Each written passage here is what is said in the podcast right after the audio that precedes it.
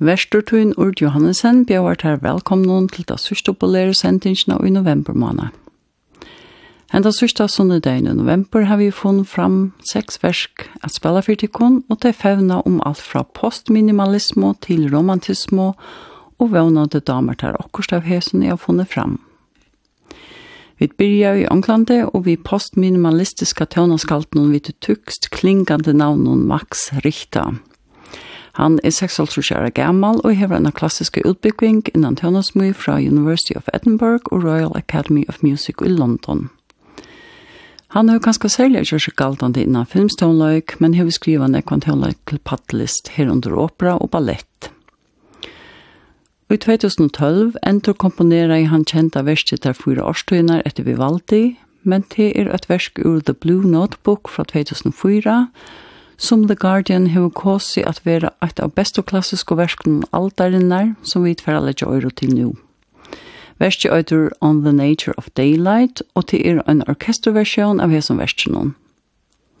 Sjolver sier Max Richter at han skriva i hetta verski som er sleg av protestsanji møtveis Irak-skynon. Verski brukte flere filmon, mittla Anna Shutter Island. Her kommer On the Nature of Daylight.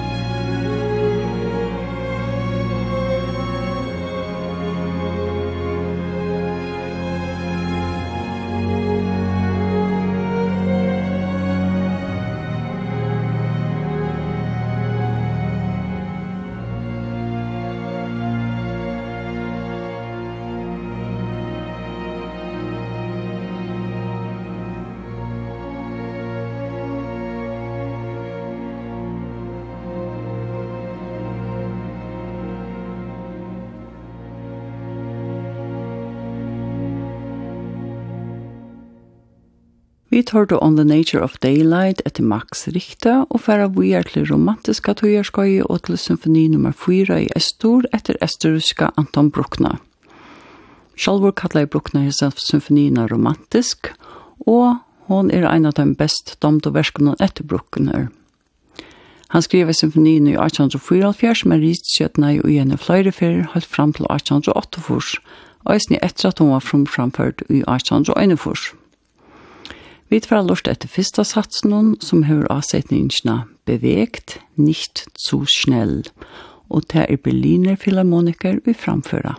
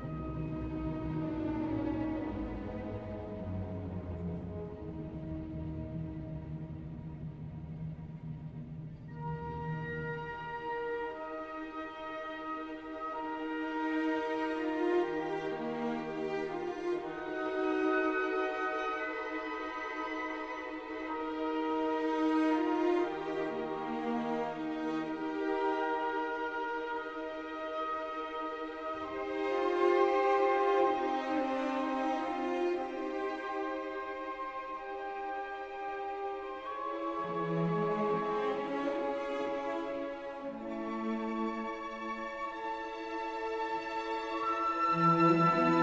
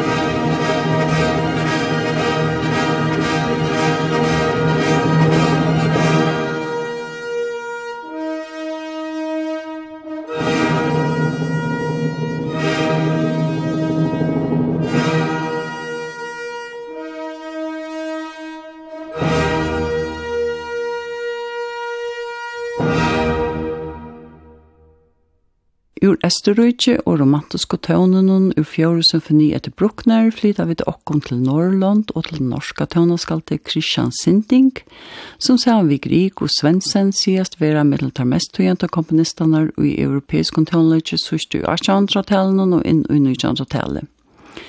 Christian Sinding levde i Tyrskøyen 1866 til 1941 og nærmser tånløyga utbygging i Oslo og satt i Leipzig. Her har mittel Anna fanns her utblås fra Wagner og List. At Tyrskøy først i 1920 var han også lærer innan tånasmøy i New York.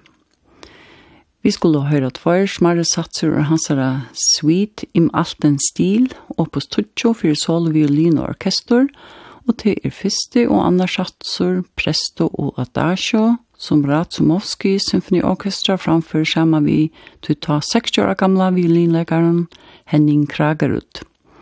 Hette er utgave fra 1995.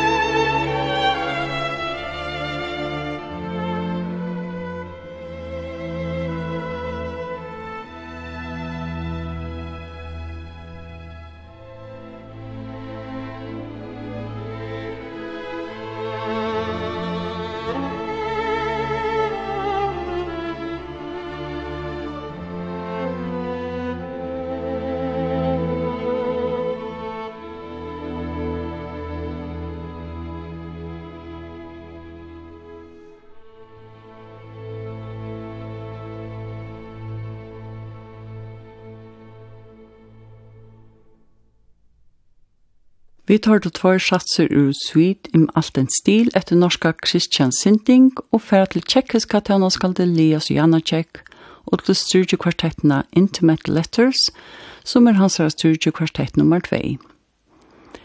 Hon vil metta vera en tutningar Mikkel Væri og repertoaren om fyrir moderna studiekvartett tonløk. Janna Tjekk skriva i kvartetten i 1928, samme året som han døye, og hun var frum framført en måned etter hans døye. Sagt ver at denne studiekvartetten er hans kærleksmanifest til Camillo Støslova, som han var gypt forelskar ui til at de begge var gypt, og er sentrale leiklodren Tjabrachni i versen skal symbolisera Camillo. Vi fer å høre fjora og sørste satsen Allegro Andante Adagio og til er Amati kvartett og i framfører.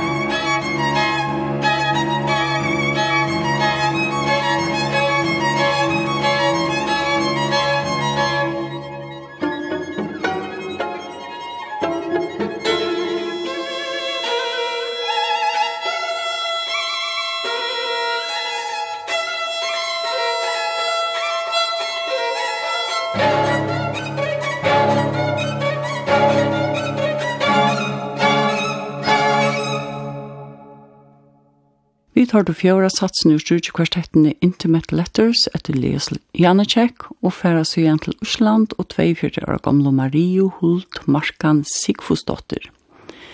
Hon har nåmen seg fralærer innan violin og tønnesmøy i Oslandet og er pastor av bøltsjonen Amina, som i flere føren framførte sammen vi kjente av islandska bøltsjonen Sigur Rose. Marie har skriva hetta orkesterverkje som kallast Oceans, og til Uslenska Symfoniorkestre som fyrir framføre under løsle av Daniel Bjarnasine, og til er av utgav fra 2019.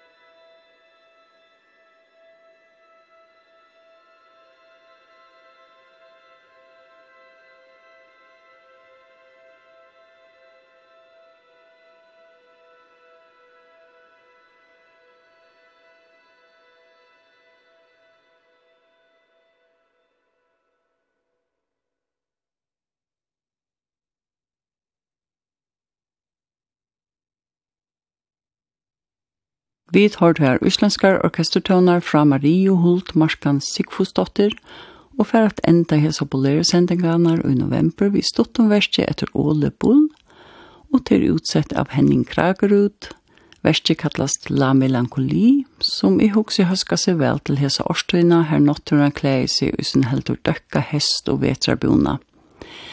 Til Henning Kragerud framfor Soleviolin saman vi Ratsumovski Symfoniorkestra. Orkestra. Bolero-sendingen er å høre at romana kveld klokka 20 og lykke tøk av hjemmesyn kvf.fo. Og i desember måned er det Olav Åsen og vi er verst og fyr Bolero. Urt Johansen og Rune Østerløy takka for idea det, og takka Østene Barbara Ålastøtter jo funnet versene fram til mun til atler hese sendingene her.